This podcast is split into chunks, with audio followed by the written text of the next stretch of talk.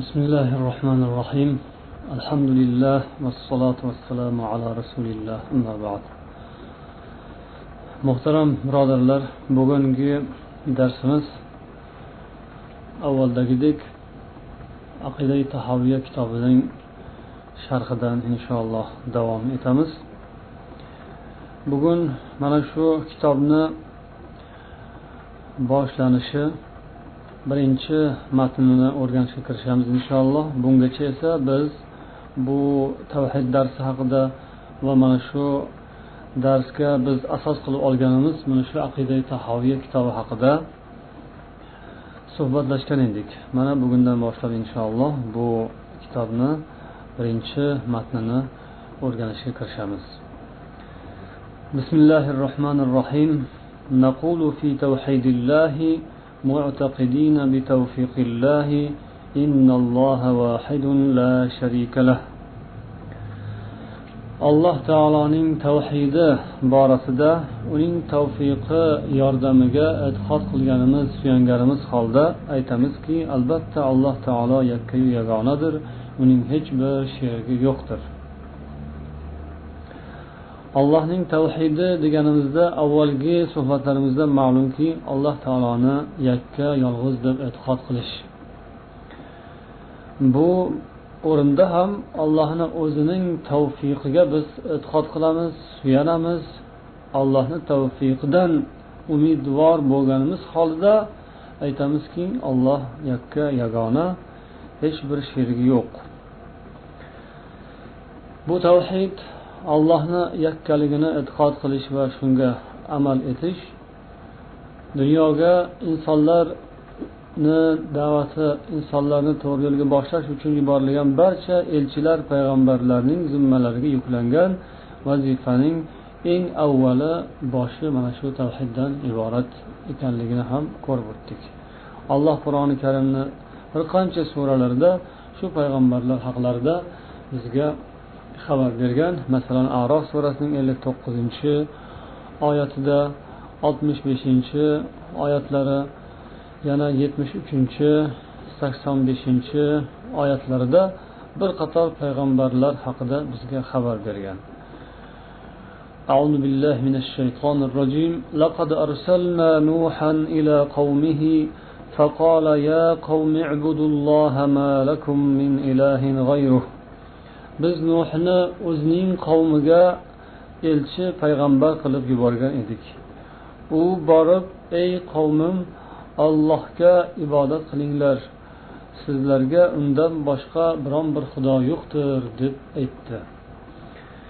Mana shu oyat mana shu kalimalar qolgan payg'ambarlar haqlarida aytilgan oyatlarda ham xuddi shu ma'no mazmun takrorlanadi. Hammalarida ham alloh taolo ularni o'z qavmlariga yuborgani va borib ular ey qavmim sizlar ollohga ibodat qilinglar. Sizlar uchun undan boshqa xudo yo'qdir degan so'zlarini bizga hikoya qilib keltiradi. Bundan ko'rinadiki demak payg'ambarlarni alloh taolo tavhid vazifasini tavhid tushunchasini o'rnatish odamlar o'rtasida tavhid tushunchasini tarqatishni ular zimmalariga vazifa qilib vazifalarning boshi avvali qilib jo'natganligini mana shundan ham ko'rsa bilsa bo'ladi. Payg'ambarimiz sollallohu alayhi vasallam ham imom buxoriy va muslim rivoyat qilgan sahih hadisda marhamat etadilarki umirtu an uqatilan nasa hatta yashhadu an la ilaha illalloh va anna muhammadan rasululloh. Men odamlar to ollohdan boshqa hech bir xudo yo'q va muhammad ollohning elchisi deb guvohlik bermagunlaricha ular bilan kurashishga hatto jang qilishga buyurildim deganlar. Demak odamlar zimmalarida birinchi yuklangan vazifa ham la ilaha illalloh muhammadu rasululloh kalimasini aytish va shunga e'tiqod qilish ishonishdir yana biz o'tgan darslarimizda eslab o'tdikki tarixda islom tarixida musulmonlarni o'rtalarida turli xil oqimlar paydo bo'lgan va ular inson zimmasida birinchi vazifa tavhid ekanligini rad etishib aksincha inson birinchi atrofiga nazar solish kerak tafakkur qilish kerak o'ylab ko'rish kerak chamalash kerak fikrlash kerak hatto shubha qilish kerak. Shakku gumonga tushish kerak oldin borni yo'q deb ko'rish kerak. Yo'qligini isbotlashga urinish kerak xudoni yo'qligini isbotlashga urinish kerak agar uni yo'qligini isbot qila olmasa bu uning borligini isbot qilgan bo'ladi. Ana shunday qilib keyin xudo borligini u tahrir etish kerak uni tan olish kerak. Demak inson zimmasidagi vazifa tafakkur qilishdir o'ylab ko'rishdir degan so'zlarni biz rad etdik. Chunki islom ulamolari va ulardan avvalroq na payg'ambarimiz va na sahobiylar hech bir inson hech bir kishi inson odamlarni islomga da'vat qilayotgan paytda ularni tafakkur qilishga da'vat qilishgan emas balkim to'g'ridan to'g'ri kalima aytib iymonga kelishga da'vat qilingan. Hatto janglarning birida sahobiylarning birlari bir mushrik kofirni keynidan quvib borib uni chopib tashlaganlari va bu haqda payg'ambarimiz sollallohu alayhi vasallam xabar topganlaridan keyin bu voqeani qattiq qoralaganlarini ham hadislardan o'qigansizlar shunda u sahobiy yo rasululloh u odam qo'rqqanidan aytdi la ilaha illallohni dedi. Ya'ni payg'ambarimiz nima uchun sen kalima aytgan odamni o'ldirding? deb qattiq tanqid ostiga oluvdilar. Shunda u sahobiy yo rasululloh u odam qo'rqqanidan aytdi u chin dilidan chiqarib kalima aytgani yo'q deganlarida sen uni qalbini yorib ko'rdingmi? Sen qayerdan bilasan u qo'rqqandan aytdimi yoki haqiqatan ham shuni chin dilidan aytdimi deb payg'ambar alayhissalom tanbeh berdilar. Darhaqiqat inson zohiriga qarab baho beriladi. Qaysi bir inson demak shu kalima aytdi iymon kalimasini tiliga oldi bu birinchi vazifani bajardi. U zohiriy suratda bo'lsada tavhid vazifasini tavhid burchini ado etdi. Uni musulmon deb hisoblanadi. To undan kufr kofirligi yoki munofiqligi oshkor zohir bo'lib isbot bo'lmaguncha dalil hujjatlar qoyim bo'lmaguncha uning tilidan chiqayotgan shu tavhid kalimasini hurmati saqlanadi uni musulmonligi e'tiborga olinadi. Qolaversa inson zimmasida birinchi vazifa tavhid deyish bilan bir qatorda uning zimmasidagi eng oxirgi vazifa ham tavhid ekanligini yana bir karra eslab o'tamiz. Payg'ambar alayhissalom man kana axiru kalamihi la ilaha illalloh dahalal jannah dedilar. Kimniki oxirgi so'zi la ilaha illalloh bo'lsa u albatta jannatga kiradi deb aytdilar. Demak dunyodan chiqar vaqtimizda ham shu ollohning kalimasi bilan tavhid kalimasi bilan chiqishimiz bizga buyurilgan. Dunyoga kelishimiz dunyoda qiladigan birinchi ibodatimiz birinchi so'zimiz e'tirof etiladigan e'tiborga olinadigan va bizdan talab qilinadigan birinchi so'zimiz ham shu la ilaha illalloh muhammadu rasululloh va dunyodan ketar paytimizda aytadigan oxirgi so'zimiz ham shu la ilaha illalloh muhammadu rasululloh bo'lishi kerak. Alloh nasib etsin barchamizga. Yana islom qonun qoidalaridan ma'lumki hech bir inson u agar musulmon oilasida tug'ilgan bo'lsa balog'at yoshiga yetgandan keyin unga tavhid kalimasini aytishni taklif etilmaydi balki musulmon oilasida balog'atga yetgandan so'ng to'g'ridan to'g'ri uni islom ibodatlarini qilishga buyurilaveradi. Namozu ro'zayu zakotu haj boshqa farz ibodatlarni undan talab etilaveradi. Hech qayerda sen mana balog'atga yetding aqling endi to'ldi endi bir aqlingni ishlatib kalima aytib olgin musulmon bo'lib olgin degan so'z hech qayerda uchratilgan emas. Shundan ko'rinadiki inson hali tafakkur qila olmaydigan atrof muhitini to'g'ri tahlil mushohada etolmaydigan bir paytda go'daklik vaqtida ota onasidan o'rgangan la ilaha illalloh muhammadu rasululloh kalimasi uning uchun qabul bo'lgan hisob u uchun mana shu narsa musulmonlik dunyosiga kirgani musulmon ekanligiga shuning o'zi kifoya.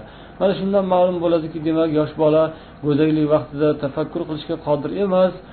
U aqlini balog'atga yetgan paytdagiga o'xshab ishlatishga qodir emas. Lokin shundoq bo'lsada o'sha go'daklik chog'ida aytgan kalimasi hisob bu bola musulmon.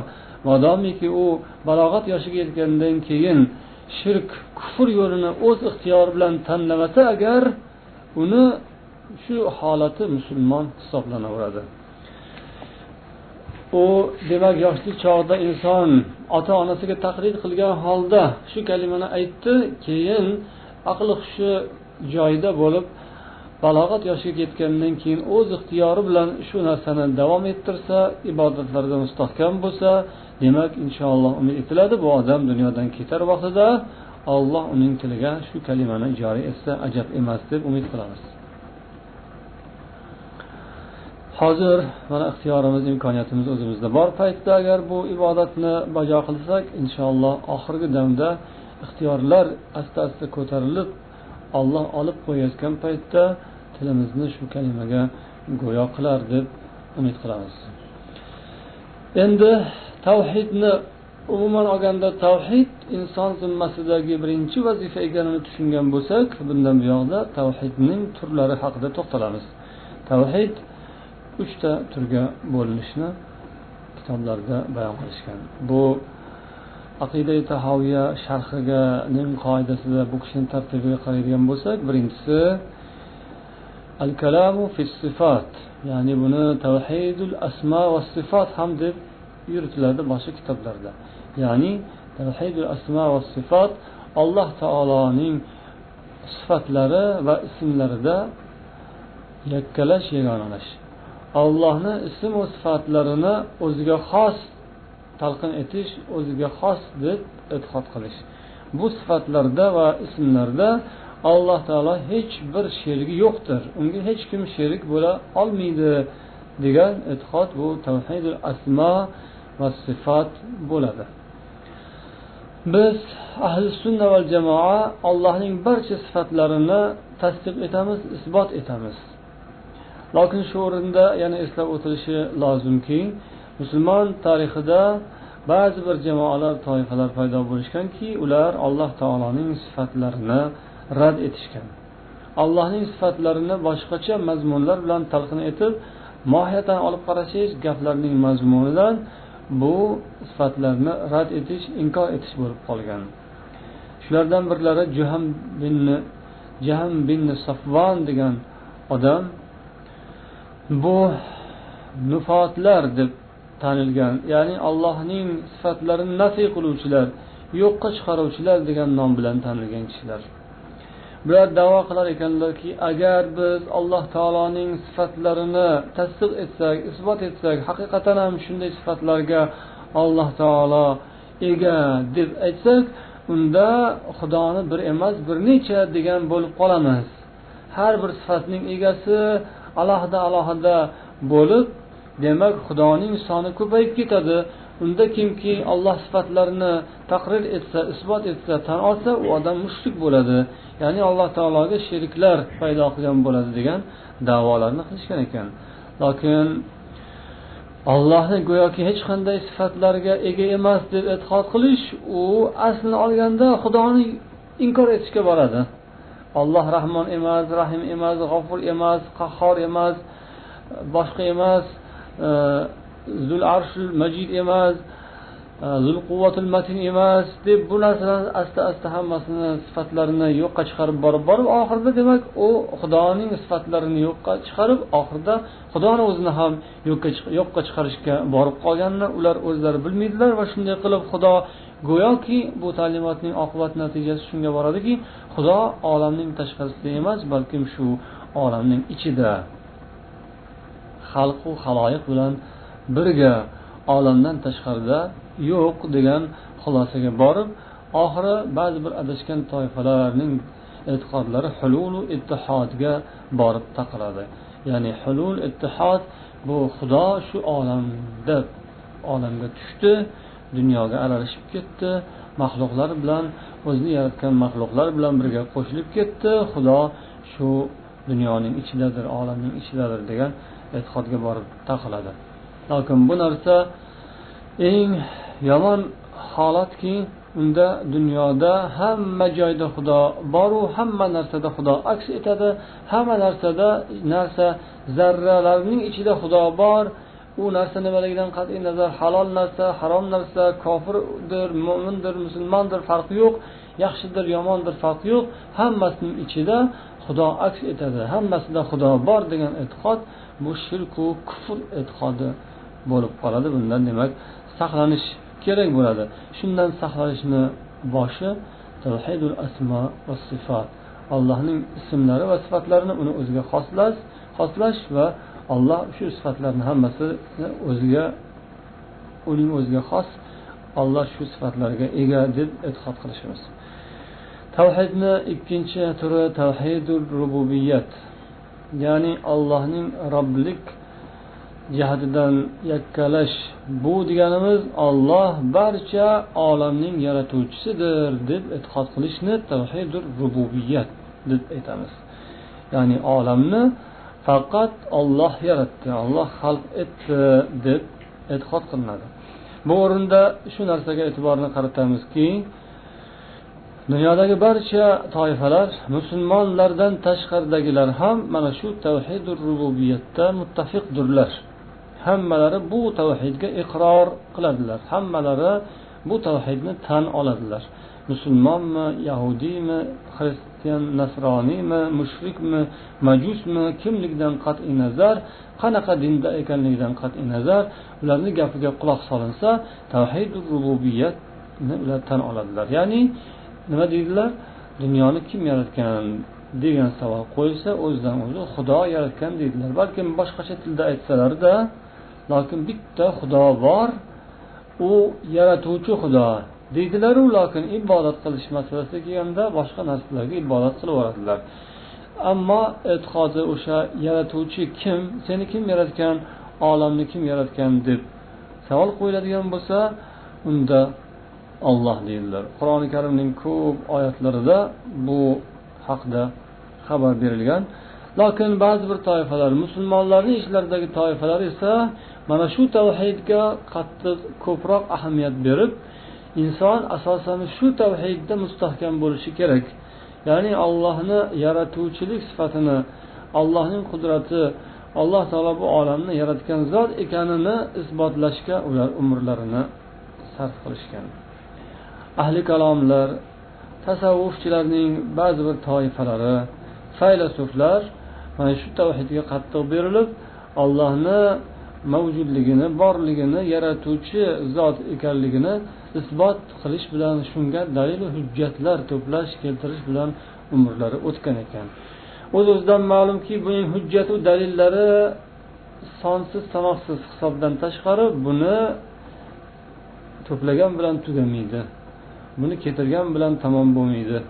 Bir umr hujjat to'plash mumkin hujjatlar aslo tamom bo'lmaydi alog'iga yetmaydi.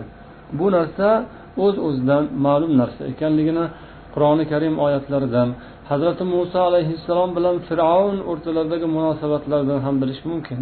Isro surasining bir yuz ikkinchi oyatida fir'avnni oldiga hazrati muso payg'ambar da'vat bilan borganlari alloh u kishini jo'natgani.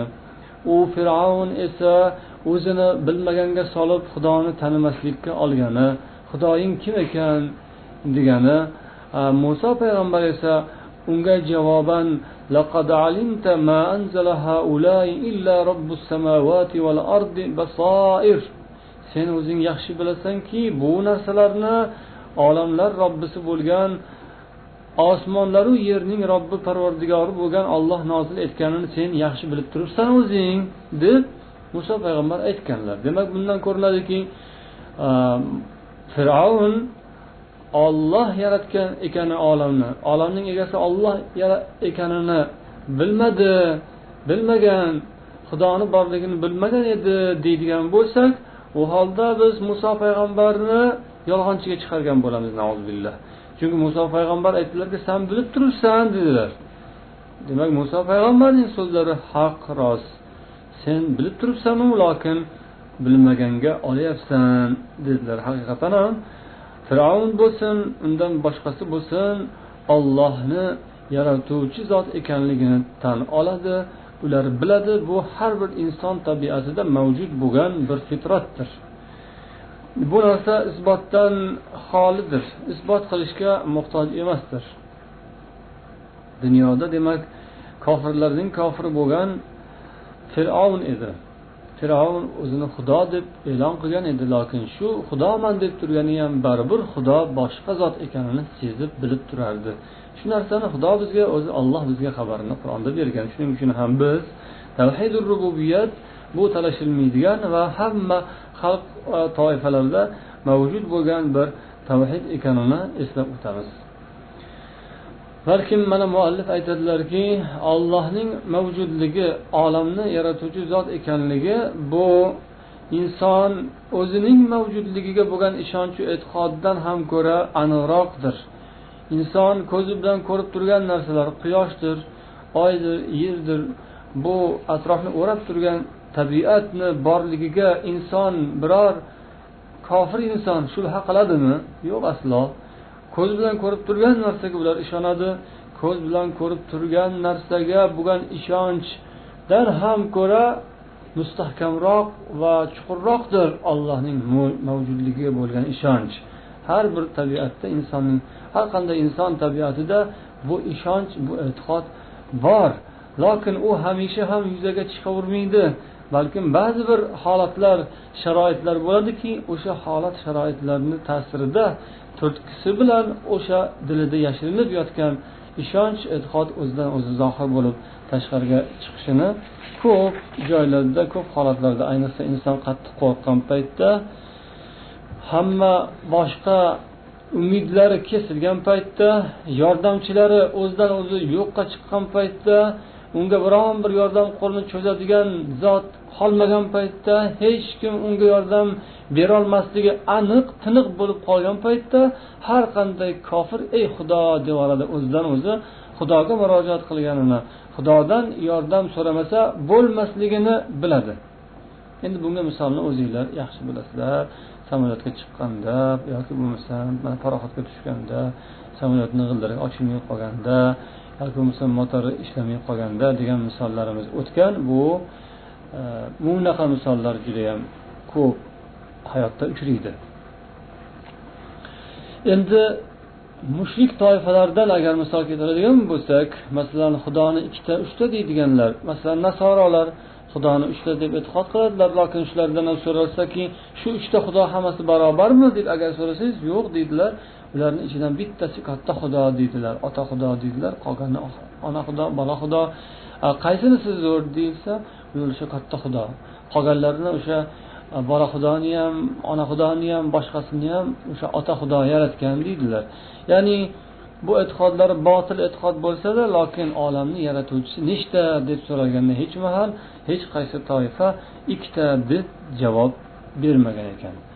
Hattoki qadim qadimlarda moniylar degan bir oqim moniylar degan bir ta'limot tarafdorlari bo'lishgan ekan. Mushriklardan majuslardan ular aytar ekanki bu olamni asli asosi ikkilik ikkitadan iborat. Buni kitoblarda dualistlar ham deb aytishar ekan. Ya'ni olamning asosi nur va zulmatdan iborat. Nur yaratgan va zulmat yaratgan deb aytishar ekan. Shular aytgan bo'lishi mumkindir. Olamni yaratuvchisi ikkita deb. Lokin shularni ham agar chuqurroq ta'limotlarga e'tibor berilsa ular nur xudosini azaliy ekanligi haqida bir ittifoqlar. Hammalari kelishgan bunda ixtilof qilishmaydi. Ammo zulmat xudosi bu keyin paydo bo'lgan deb ba'zilar aytar ekan ya'ni buni avvaldan azaldan mavjud ekanligida ular kelisholmas ekanlar. Ya'ni demoqchi bo'ladiki bu ta'limot tarafdorlari ham o'zlarini o'sha xato botil e'tiqodlari bo'yicha bo'lsada olamni yaratuvchisi yakka xudodir degan e'tiqodlari borligini aytilmoqchi bo'ladi. Shunday qilib olamni yaratgan yakka yagona zot olloh ekanini isbotlashga unchayam hojat yo'q. Har bir inson bu narsaga yaxshi tushunadi e'tiqod qiladi deydilar. Va kitobda bir qancha ulamolardan misollar keltirishadi. Ularni hayotlaridan jumladan imom abu hanifa rahmatullohi alayhini hayotlaridan bir misolni keltirib ular ahli kalomdan bo'lgan bir odam bilan munozara qilishganini hikoya qilishadilar. Ya'ni bular olamni yaratuvchisi yakka olloh ekaniga hech qanday shakku shubha bo'lishi mumkin emas. Bunda hatto o'sha xudosizlar ham bu narsani e'tirof etadilar iqror qiladilar degan so'zlariga ular e'tiroz bildiradilar. Ba'zi bir misollarda esa bir xudosiz dinsiz abu hanifa bilan munozara yuritmoqchi bo'lgan ya'ni xudoning yo'qligini isbot qilib beraman degan kim menga xudoning borligini isbot qilib bersa kesin degan va oxiri mana shu imom abu hanifa bilan birga kelishilib munozara kuni tayin qilinib munozara maydoni tayin qilingan barcha xalq haloyiq yig'ilgan odamlarga ovoza qilingan falon kuni imom abu hanifa rahmatullohi alayh falon kishi bilan xudoning borligi haqida munozara olib boradilar deb. Imom abu hanifa bu majlisga biroz kech qolib keladilar. Haligi odam dinsiz odam ya'ni bu bir rivoyat bir necha xil rivoyatlar bor shundan bittasini aytamiz. Dinsiz odam xudosizlik davo qilgan xudoni yo'qligini go'yoki isbot qilib bermoqchi bo'lgan odam imom abu hanifa belgilangan soatga kelmaganlaridan keyin o'zicha maqtadi mana imomlaringiz qochib ketdi qochib kelmadiku vaqtida deb turgan bir paytda imom abu hanifa rahmatullohi alayh keladilar. U kishiga malomat qilib boshlaganda bu imom aytadilarki shoshmay turing men bir uzrlik sabab bilan kech qoldim. Yo'lda kelayotganimda men dajda daryosi narigi qirg'og'ida turaman. Kelayotsam ko'prik buzilgan. Men daryodan qanday qilib o'tishni bilmay turgan bir paytimda hayron bo'lib nima qilishni bilmay shoshib turgan edim. Yuqori tomondan o'sha oqim tomondan bir to'p taxta oqib kela boshladi. O'zidan o'zi mani ro'baramga kelganda u bir qayiqchaga aylandi. Keyin men tomonga suzib kelib to'xtadi. Men hayron bo'ldim. Xursand bo'lib ketdim. Keyin shu qayiqchaga darrov o'tirib oldim. Birdaniga qayiqcha harakatga kelib daryoni narigi qirg'og'iga olib kelib qo'ydi. Men shoshib pishib mana shunday qilib mana hozir kelayotgan joyim. Deganlarida haligi xudosiz odam xaxolab kulib masxara qila boshladi. So'zi hali u men bilan munozara qilmoqchi. Bu gap aqlga sig'adigan gapmi? Topgan gapini qarang emishki o'zidan o'zi taxta oqib kelarmishdek bu kishini ro'baralariga kelib bu qayiqchaga deb bu kishi o'tirib olib bu yoqqa o'tarmishlar shu ham aqlga sig'adigan gapmi? O'zidan o'zi shunaqa ish bo'ladimi? Nima deysizlar bunga odamlar? deb u kishini shu so'z bilan mot qilmoqchi bo'lganda shoshmay turing birodar. Sizning davoyingiz bo'yicha bu bir kichkinagina qayiqcha uch to'rttagina taxta o'zidan o'zi oqib kelishi o'zidan o'zi qayiqchaga aylanishi o'zidan o'zi mana bu yoqdan bu yoqqa olib o'tib qo'yishi bu aqlingizga sig'mayapti a?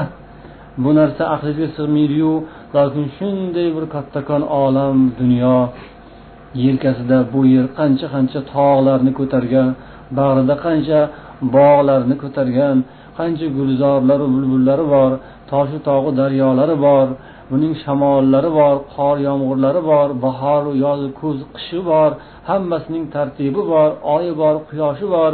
Biron bir lahza vazifasini u bajarib bajarishdan to'xtamasdan charchamasdan tinmasdan kechasiyu kunduzi to'xtamasdan bular xizmatini qilib turadi.